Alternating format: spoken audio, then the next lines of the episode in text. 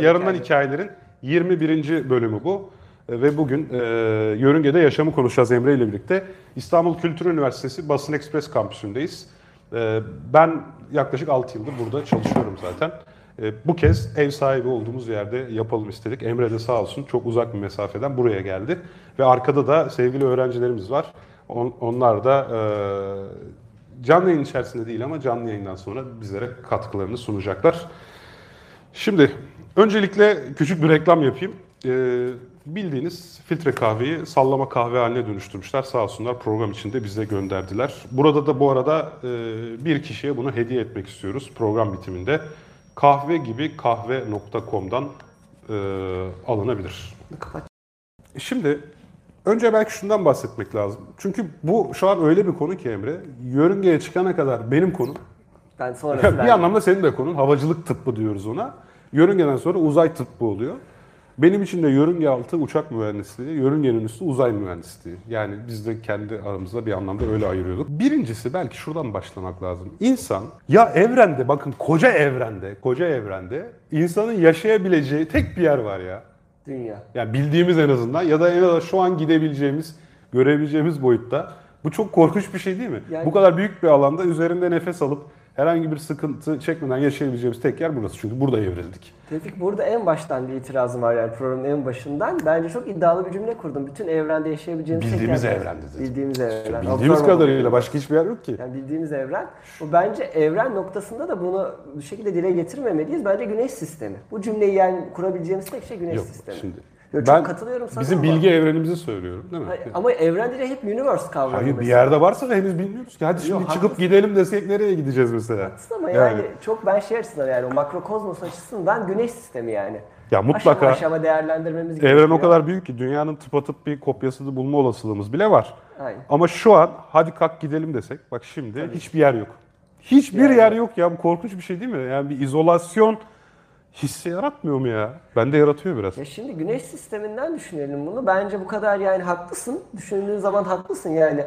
Çok eşsiziz. Sanki her şey bizim için ayarlanmış. Bütün varoluşta eşsiziz. Çok yani noktasal bir şey ama ben de ilk başlarda böyle düşünüyorum. Güneş sistemi buna dair ipucular veriyor. Mesela güneş sisteminde Mars'ta suyun yani sıvı halde suyun bulunduğuna dair bizim ipuçlarımız var. Hala yani çok yüksek tuz oranında olsa bile Mars'ta sıvı var kutuplara yakın bölgelerde. Europa, Jüpiter'in Europa uydusu var. Yaklaşık Ay'a yakın büyüklükte bir uydu. Ve Europa'da kalın buz katmanlarının altında dünya okyanuslarının 4 katı kadar sıvı su olduğu düşünülüyor. Ama bunların hiçbirisi insan için değil. Hiç- Yani hiçbirisi insan bakteri için formunda bir yaşam bulabilir miyiz acaba Ama diye. yani insan için demek bile bence çok şey yani yanlış bir bakış açısı. Çünkü insan merkezci bakıyorsun. Bence canlılığın kendisi yani organik yaşamın kendisi bizim aramamız gereken. Ben aramaktan bahsetmiyorum. Bak Yani- şimdi kavramlar çok karıştı. Çok bir dakika, haklısın. bir dakika. Ben sana diyorum ki şu an Ya Hadi ben kal- hiçbir yerde hadi ka- yaşayamam. başımıza başka bir risk evim yok. gelse. Tek evim burası. bir risk altında Ev olsak. burası. Hadi insan ırkını yani insan türünü diyeyim tamam mı? İnsan türünü kurtaralım desek şu an belki ISS'te 4-5 kişi birkaç ay yaşatabiliriz. Ama Birkaç onun ay. dışında şu an gidebilecek bir yerimiz yok. Ben yaşanabilir bir yaşam formu bulmaktan bahsetmiyorum. O farklı. Yani tamamen insan, yani bu program insan merkezli olacak. Yani insan yaşıyor. Yani Tamam, şimdi yörüngede yani anladım. sincaplar kendi aralarında organize olup yörüngeye çıkabiliyorlarsa bravo ayrı mesele de yani.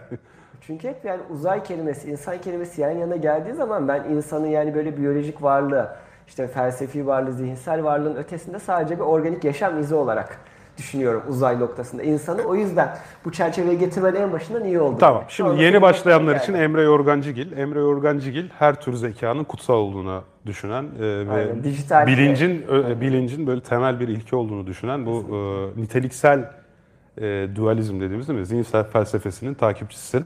Evet, Dolayısıyla Emre olsa- Emre ben sadece insanı kurtarmaktan bahsedince gıcık oluyor. Yo, hayır yani neden insan diyorum. Yani organik bir karmaşıklıktan bahsediyorsak. Ya şimdi bu beceriyi zaten sadece insan sahip olduğu için dediğim gibi yani başka şey e, otostopçunun galaksi rehberindeki gibi Yunuslar yapabiliyorsa ne hala yani o ayrı mesele de. Şu an hani gerçekten çok büyük bir riskle karşılaşsak ne yapacağız?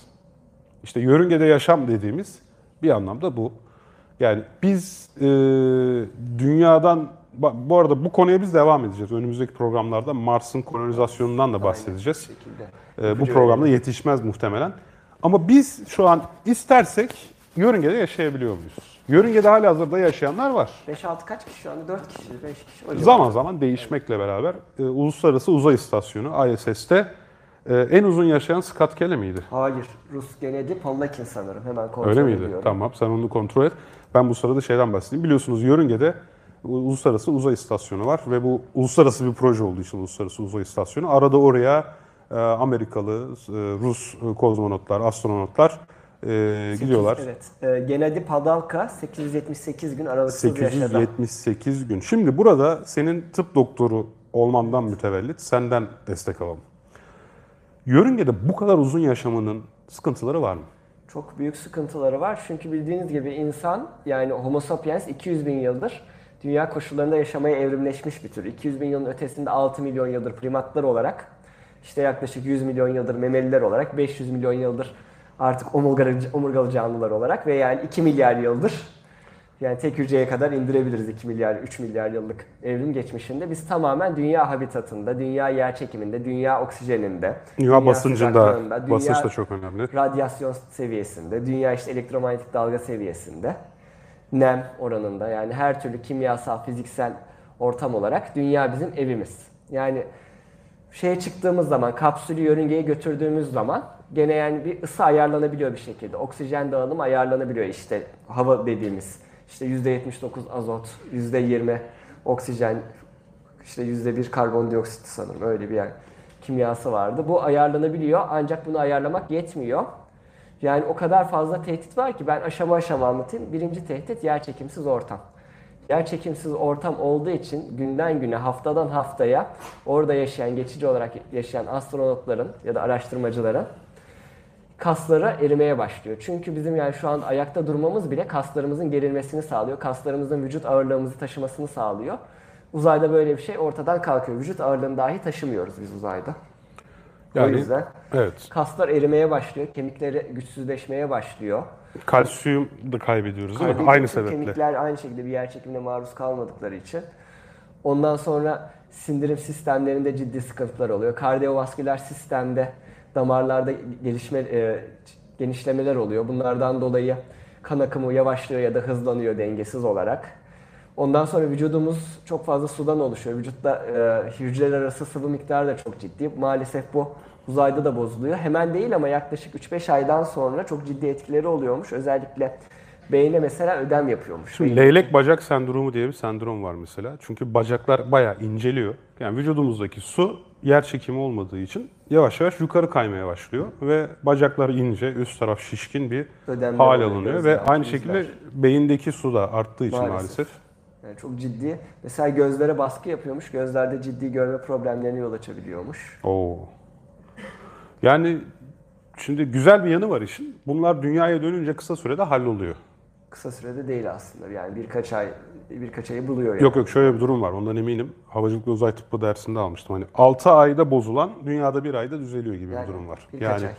Normal tam kapasite. geri döndürülebilir hasarlar bunların çoğu ama çok uzun süre kalınca mesela işte Tabii, bir radyasyon hasarı. e, ret- ya da retinadaki damarların Çatlaması tıkanması, çatlaması halinde onu Geri geri almak, onu geri almak çok mümkün değil. mesela. Radyasyon aynı şekilde her türlü lösemi, kan kanseri, doku kanseri risklerini arttırıyor maalesef. Bunların da geri dönüşümü yok. Yani kesin olacak diye bir korelasyon yok. Belki şu ana kadar giden astronot sayısı anlamlı değil bu kanser araştırması yapmak için ama maalesef vücutlarında yani bütün insanların ömür boyu alacakları radyasyonu herhalde bir ayda alıyorlar.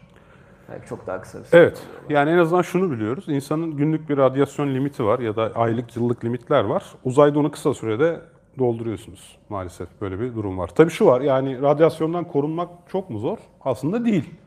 Yani kaplarsınız uzay istasyonunu kurşunla ya da işte insan hangi geminin içerisinde seyahat edecekse yaparsınız ama burada başka bir problem var. Uzaya 1 kilogram, sadece 1 kilogram malzeme taşımanın maliyeti 18.500 dolar. Yani ortalama 60 kilo olduğumuzu varsayın. Keşke olsaydım ama öyle varsayın. Buna da 20 bin dolar diyelim kabaca. Ne yapıyor ya? 1 milyon 200 bin dolar bir kişinin, buradaki herhangi bir kişinin sadece kişi haliyle hiç daha roketi saymadım, yakıtı saymadım. Sadece sizi buradan uzaya götürmenin maliyeti 1 milyon 200 bin Ama dolar. yakıt maliyeti mi bu? Onu biraz açar Tabii mısın? yakıt maliyeti. Sadece yakıt maliyeti. Sadece Benim yakıt. yani o koşullarım değil değil mi? Yani oksijenli koşulum sıcak. Hayır hayır bu dünya yer çekiminden kurtarma maliyeti. Sadece yani Öyle escape söyleyeyim. yani. velocity, kaçış Aynen. hızının maliyeti. Yani o hani roketleri falan izliyoruz ya. Ya o kadar fazla yakıt tüketmek zorundalar ki. Çünkü dünyadan kaçabilmek için yanlış hatırlamıyorsam ivmenizin 11,2 kilometre bölü saniye kare olması lazım. Yani o roketler saniyedeki hızları her seferinde 11 kilometre artıyor. Bu, bu da müthiş bir itki demek. Ve bu şu an için dünyadan kaçmak ancak katı yakıtlı roketlerle mümkün. Çünkü dünya atmosferi dipte daha yoğun. Yukarılara gittiğiniz gittikçe inceliyor ve sizin o ilk başta hem yer çekimini hem de hava sürüklemesini yenmeniz lazım.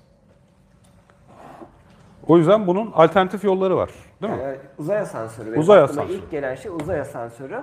Şimdi uzay asansörü çok muhteşem bir fikir. Sanırım Arthur C. Clarke ilk olarak bilim kurguda bunu ifade etmiş. Cennetin Irmakları e, romanında. Ve şöyle bir şey kuruyor. Yani sonuçta dünyadan bizim kaçmamız için 12 kilometre bölü saniyelik bir ivmeye ihtiyacımız var. Bu da bizi yani maalesef şey yani e, e, dünyayla sınırlı bir ırk olmamıza, dünyayla sınırlı bir canlı olmamıza şey yapıyor yani mahkum kılıyor. Bu da bilim kurguda sıkça işlenmiştir bu mesela değil mi? Yani yer çekimine kapan denir. Bizi yani dünyada tutan bir kapan denir. Yoksa mesela Mars'a ulaşmak için yer çekimini aştıktan sonra sanırım 400 kilometre bölü saniye hız yetiyor. Değil mi? Evet. Mesela Ay'daki escape velocity yani kaçış hızı sadece 2.30 Evet. kilometre bölü saniye. Yani dünyanın böyle korkunç bir dezavantajı var bu yer çekiminden dolayı. Yani bunu katı yakıtlı roketlerle aşamıyorsak belki bir structure'le yani bir yapıyla aşabiliriz. Tabii Arthur C. Clarke yazdığı zaman karbon nanotüpler yoktu. Yani tutup yaklaşık 40 kilometrelik. Şimdi orada şöyle karışmasın ama. Ee, uzay asansörü yer çekiminden kurtulmamızı sağlamaz. Sadece, ama sadece hava sürüklemesinden yırtarız. Ama her 40 kilometrenin ötesine geçtiği zaman oradan mesela bir istasyon yapıldığı zaman yer çekiminden kurtulmuyor mu? Ha tabii yukarıdan başlarsan Evet. meseleye tamam mı? Ben onu, onu kastediyorum. İşte o zaman da yavaş yavaş hep asansör yani yukarı taşıma meselesi olur ama uzay asansörünün birincil faydası hava sürüklemesi. Evet. Yani en azından içi vakumlu olduğu Vakumlu için olacak. hiçbir hava sürüklemesi yok.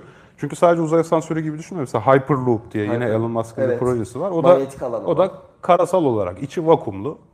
Şimdi e, maalesef sürükleme kuvveti de hızınızın karesiyle orantılı. Yani hızlandıkça hava sürüklemesi yavaşlamanıza neden oluyor. İşte sorun da orada.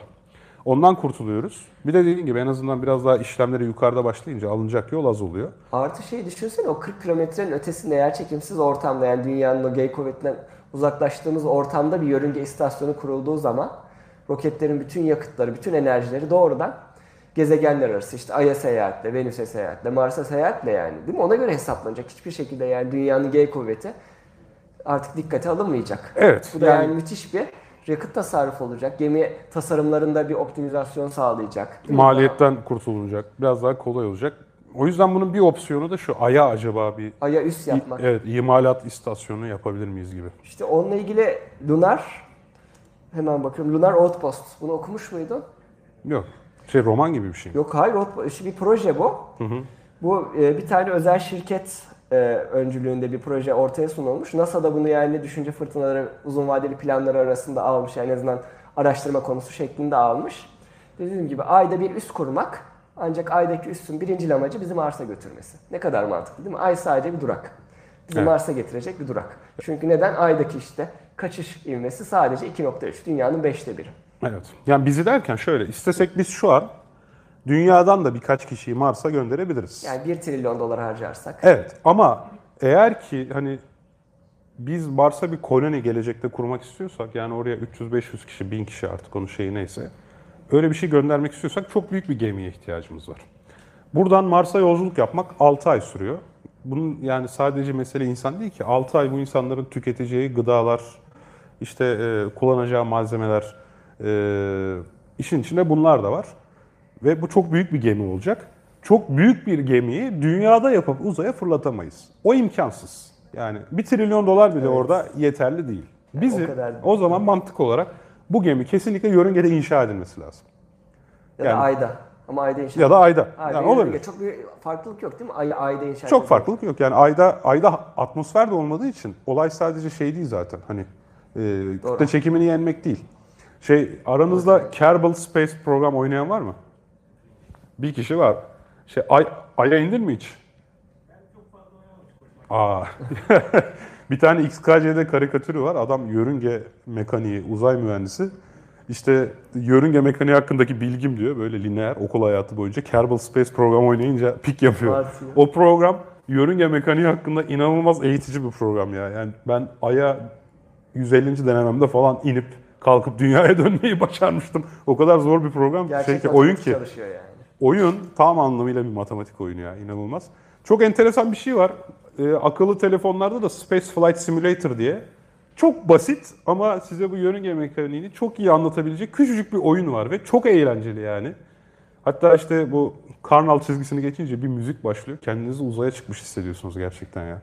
Yani ilgililer mutlaka Space Flight Simulator'ı e, indirsin. Hem iOS'ta var hem Android'de var. E, buradan izleyicilerimize de söyleyelim onu. Çok çok güzel, çok basit, çok güzel. Yani isterseniz biraz daha matematik katarak da oynayabiliyorsunuz. Yani uzay aracınızın ağırlığına göre farklı motorlar takabiliyorsunuz. Mars'a gidebiliyorsunuz. Yani Güneş sistemindeki her yere gidebiliyorsunuz. Ben Güneş'e gitmeyi denedim bir kere. Güneşe gidiyor. Evet. Oyunu çok hızlandırabiliyorsunuz. O biraz avantaj sağlıyor. Sadece hepsini. Şimdi Yani her tuvalete girdiğinizde bir gezegene inebilirsiniz. bu şekilde planlama yapsın yani merak etmeyin. Space Elevator yani uzay asansörünü araştırırken şöyle bir sıkıntıya rastladım hemen tahmin edebileceğiniz gibi. Hala malzeme fiyatı inanılmaz yüksek. Yani karbon nanotüplerin artı teorik sorunlar da var. Yani 100 bin kilometrelik bir karbon nanotüplük yapının ne kadar stabil olacağından da şüpheliler. Onun ötesinde hala şu anda karbon nanotüplerin üretim maliyeti metreler olarak hesaplanıyor ve bizim ihtiyacımız olan 100 bin kilometre yaklaşık. 100 bin Evet. lifler bu şey sicimler mi? Aynen öyle. Ben Efendim, sana enteresan bir anımı anlatayım. Üniversite 3. sınıftaydım. Yavuz Baştürk diye bir tane adam bana dedi ki ben uzay asansörü yapmak istiyorum. çok Bana dedi fikir. uzay asansörü üzerindeki yükleri hesaplar mısın dedi. Ben de olur dedim. Kaçı yaparsın dedi. O zaman 400 lira istedim. Yıl 2005. Bugüne vurursak bu 4-5 para evet yani bayağı fazla eder. Enteresandır. Ben NASA'dan rüzgar datalarını aldım. Onlar açık zaten e, halka. Ve gerçekten de işte uzay asansörünü bir çelik sütun olarak kabul edip üzerine binen yükler sebebiyle işte diplerindeki momenti ve her işte üzerindeki şey grafiğini çizdim. E, ve adam bana bu parayı verdi. Ne yaptı bilmiyorum. Yapmadığını biliyoruz yani. Uzay asansörü yok bildiğimiz ama adam çok ilginç, çılgın bir mucit gibi bir adam da enteresan icatları vardı ya. Yani bak yıl 2005'te şey falan yapmıştı adam. Böyle AVM'de yere bir e, havuz görüntüsü. İçinde balıklar var. Sen yürürken balıklar senden kaçıyor. 2005'te yaptı bunu. Gerçekten. Evet ya. 2005 için çok güzel. Adam bunu yaptı AVM'ye sattı. Adam yani mucitlik yapıp para kazanıyordu yani. İşte mesleğinizde mucitim ben diyebilirdi o adam yani. Şimdi ne yapıyor? Hiç bilmiyorum. Bunu bir araştırma. Google'a bir Yavuz Baştürk yazsanız ya. yani böyle de ifşa Evet, ettik. evet. KVKK'ya uygun mu diyeceğim de bu bir anı tabii. Ha, artık Kişisel veri değil. Olumlu şekilde yani bahsettim. Evet evet ya bence çok çok akıllı bir insandı. Eğer yani bir şeyler yapamadıysa o biraz bu coğrafyada olmasının sebebi olabilir. Yatırımcı bulmak falan kolay değil böyle şeylere. Yani o zaman artı NASA'nın ödülü de havada kalmış. Birkaç fazla yani farklı girişim var. O farklı girişimlerin ödülleri de havada kalmış. Yani herhangi bir açıkçası şu anda gelişme yok. Teorik beyin fırtınalarının ötesinde uzay asansörü noktasında bir girişim yok. Bir şirket yok. Yani şöyle aslında bu konuda bir prototip çok kolay yapılır. Benim aklıma o yıllardan gelen biraz da o zamanki araştırmalarımdan hatırladığım işte balonlarla havada tutma gibi şeyler falan var da buradaki mesele bir şeyi yapabilmek değil. Çünkü hani yaptım geçtim gibi bir şey değil ki bu. Emniyetli olmak zorunda. Onun içinden insan taşınacaksa, malzeme taşınacaksa dayanıklı olmak zorunda. Yani bir şekilde şeyin yolunu bulursun. Ya 40 kilometre ben malzemeyi nasıl dik tutarım? 3-5 saatliğine dik tutacak bir şeyi bulabilirsiniz. Buradaki mesele onun robust olması. Yani e, mutlaka dayanıklı olması. Nasıl test edilecek? Emniyetli olması. Test Yani- süreçleri bile yani gözümde canlanmıyor şu anda. 100 bin kilometre. Çok Senin de zor. canlanmıyor değil mi? Yani 100 bin kilometre kısmını ben kullanılan malzemeyi uçuca ekleyince gibi anlıyorum. 100 kilometredir. E Tabii 100, 100 bin kilometre kilometre. şey tabii yani karbon nanotip şey. Ha nanotüpleri ucuca Nanotüpleri, eklersek aynen. yani buradan köye yol olur gibi. Dünyanın etrafını iki buçuk kere dolaşıyor değil mi? Aynen öyle. Evet. Biz uzayı 100 kilometreden başlıyor kabul ediyoruz. Karnal 100 çizgisi. Bu Felix Baumgartner oradan mı atlamıştı? Hemen bakayım. Öyle bir şeyi vardı onun. Karnal çizgisinden mi atlamıştı ne ya? Öyle bir şeydi. Hemen bakıyorum. epey yüksekten dünya şey rekoru ona ait. Şimdi Emre ona bakarken bir de işin bu tarafı düşünelim. Tamam uzay atansiyonu yaptık. Tamam her şey mükemmel. Evet 128. Oha 128 ya uzayın üstü sayılıyor artık. Tabii astronot kıyafetiyle atlamış. Evet evet. Tabii ki. Ve ses hızına ulaşmıştı değil mi? Öyle bir şok dalgası falan yemişti. Şimdi uzaya çıktık. Hadi diyelim bu kitle, buradaki herkes hep birlikte uzaya çıktık. Ne yiyeceğiz, ne içeceğiz? Yani şimdi hazıra daha dayanmaz. Tamam yanımızda konserve götürelim. Siz de öğrencisinizdir, alışıksınızdır barbunya falan da. Şimdi uzun vadede sürdürülebilirliği nasıl sağlayacağız? Yanımıza götüreceğimiz, götürdüğümüz yiyecekler bir süre Yani- sonra tükenecek. Yani Uluslararası Uzay İstasyonu'nda tamamen mekiklere bağımlılar. Her türlü gıda zaten yıllık olanlar yıllık depolanıyor. Bazen çok ekstra mesela onları kutladığı bayram günlerinde, Noel günlerinde, yılbaşı günlerinde özel hani aylık olarak bir şeyler gönderiliyor. Deneysel olarak bitki yetiştiriliyor uzayda. Ya şimdi elden gelen öğün olmaz, ula vaktinde gelmez derler. Yani dışarıya bağlı olmadan kendi kendine sürdürülebilir bir sistem kurmak hakkında ne düşünüyorsun? Yani Bunların deney şeyleri var mı? Şimdi hidroponik ta- tarım yapılıyor. Yani çok küçük topraklı tarım da yapılıyor Uluslararası Uzay İstasyonu'nda ancak çok gıdasal değeri yok deneysel aşamada. Yani bir sebze, ya hayvancılık çok zor. Belki böcek yetiştirilir, salyangoz yetiştirilir. Yani onlar mümkün bence yani 10-15 kişinin gıdasını yetiştirmek mümkün olabilir. Ama yani şu da var dediğin gibi yani biz yörüngede yaşam dediysek binlerce, yüz binlerce hatta milyonlarca insanın yaşam alanından bahsediyoruz. Yani şu anda ben, ben mühendis de değilim senin gibi. Yüz bin, yani milyonlarca insanın yörüngede yaşadığı ya da ayda yaşadığı bir üs dediğin zaman sadece bazı filmlerden sahneler geliyor benim aklıma. Herhangi bir yani Evet. şu anda dünya teknolojisiyle ya da yani Elon Musk'ın yaptığı ya da elimizdeki işte 40 yıldır gelişen Uluslararası Uzay İstasyonu'nun herhangi bir prototipi dahi milyon kişiyi yani barındırmaya model olamaz. Değil mi? Yepyeni bir tasarım olacak. Milyon çok ya. Yani ha şey orada belki eskilere inmek lazım. Hani avcı toplayıcı dönemimizde en büyük hani yaşayabilen 150 oba 150 kişiymiş ya. Bana biraz sanki öyle gibi geliyor. Orada böyle basic'lere dönüş, temellere dönüş gibi bir şey. Hani e, şimdi orada bir problem daha var. Kapalı bir ekosistem kurabiliriz ama sistem çok kırılgan. Azıcık bir bitki hastalığı, kıran girse Evet. patatesten mesela ne olacak? Monokültür her zaman İrlanda kıtlığında mesela patates yüzünden onu anlatsana. milyar. Yani İrlanda'da şimdi normalde İrlanda bir Avrupa ülkesi. Kendine yeten bir ülke. 19. yüzyıla kadar tamamen kendi işte kaynaklarıyla, kendi ekolojik yapısıyla, kendi tarımsal yapısıyla ayakta kalmıştı. Ondan sonra İrlanda'da bir bakmışlar işte Güney Amerika'ya gittikçe geldikçe patates. İşte Güney Amerika orijinli bir bitki. İrlanda'da patates yetiştirelim. Buranın iklimine uygun yetiştiriyorlar patatesi. Patates yetiştikçe işte çok tarım ucuzluyor. Tarım uz- ucuzladıkça işte uzun vadeli nüfus artıyor. Nüfus arttıkça işte tekrardan yani bir ekonomi canlanıyor. O zaman İngiltere sömürgesi İrlanda. Ama ne oluyor? İnanılmaz bir şekilde patateslerde bir hastalık çıkıyor. Ve bu hastalık yayılıyor ve yani korkunç bir şey düşünemiyorum ben. İnsanların bastıca besini patates olduğu için patates yemedikleri için ölüyorlar. Şimdi buradaki sorun tek bir yarısı. suç olması değil mi? Yani Aynen zaman Güney Amerika'dan patates tohumu getirirken bir tane getirmişler. Kalan Genetik bütün olarak. patatesler ondan çoğalmış. Yani elimizde sadece Seferoğulları var öyle Aynen. söyleyelim. Dolayısıyla çeşitlilik olmadığı için bir hastalık ortaya çıkınca hepsi ölmüş patateslerin. Ve kaç kişinin ölümüne sebep oldu İrlanda Yani kıtlığı? 8 milyondan nüfus bir anda 3 milyona düştü. Şöyle 2 Açlıktan ya, milyon, 2 milyon açlıktan kişi bile. doğrudan öldü. Geri kalan 2 milyon kişi de terk etti ülkeyi. İşte İngiltere'ye kaçtı, Amerika'ya kaçtı. Yani dünya tarihinin belli bir popülasyonu etkileyen en korkunç kıtlığıdır. Belki buradan sosyal mesaj da çıkarabiliriz. Yani tek bir besine bağlı kalmak. Yok hani fikirsel olarak çeşitlilik de galiba toplumların Çeşitlilik ilerlemesine bu yüzden sebep oluyor. Yoksa öyle. o tek bir fikir eğer toplumda dominant olursa o tek fikir yani tehdide uğradığı zaman, yalanlandığı zaman, tek fikir bittiği zaman toplumda o zaman bir zihinsel ölüm yaşar. Evet dağılıyor ve bir anomi ortaya çıkıyor. Evet. O yüzden Bu yüzden farklı düşünenlere o kadar kızmayın mutlaka lazım. özgürlüğü kesinlikle çok önemli bir şey, hayati bir şey. O zaman şöyle bitirelim. Bir şekilde ekosistemi de hallettik. 150 kişilik bir gemimiz var. Evet. Ee, çok güzel. Peki o zaman nüfus artmayacak mı? Biz nüfusu hep sabit mi tutacağız? Bak çok güzel bir senaryo yazayım sana bilim kurulu. Bir şekilde dünya yok olmuş. Hepimiz gitmişiz. 150 kişiyiz tamam mı? Yani hepimiz gitmişiz ve her şeyi de ayarlamışız. Güneş var oldukça güneş panellerimiz çalışacak. Bu arada malzemenin de ömrü var o da sıkıntı. İçeride güneş Yedek paneli fabrikası yoksa. kuramayacağız. Yedek parça yoksa o da sıkıntı. Ama diyelim ki yedek parça stoklarımız da var. Bu nereye kadar ki? Yani bizim hani diyelim 200 yıllık yedek parçamız var tamam mı? Her şey mükemmel. Biz o 200 yıl içerisinde bir yere gidip kendimize yerleşecek bir Evet. gezegen bulmamız lazım o zaman. O zaman daha ilk başta o gemiye giderken bunun planını yapmamız lazım. Gezegen bulduk da nasıl ineceğiz? Ya da bizim çevremizde öyle bir geminin 200 yılda alacağı mesafe içerisinde öyle bir gezegen yok ki. Ya direkt bize yaşamayan kabul edecek dünya şartlarında.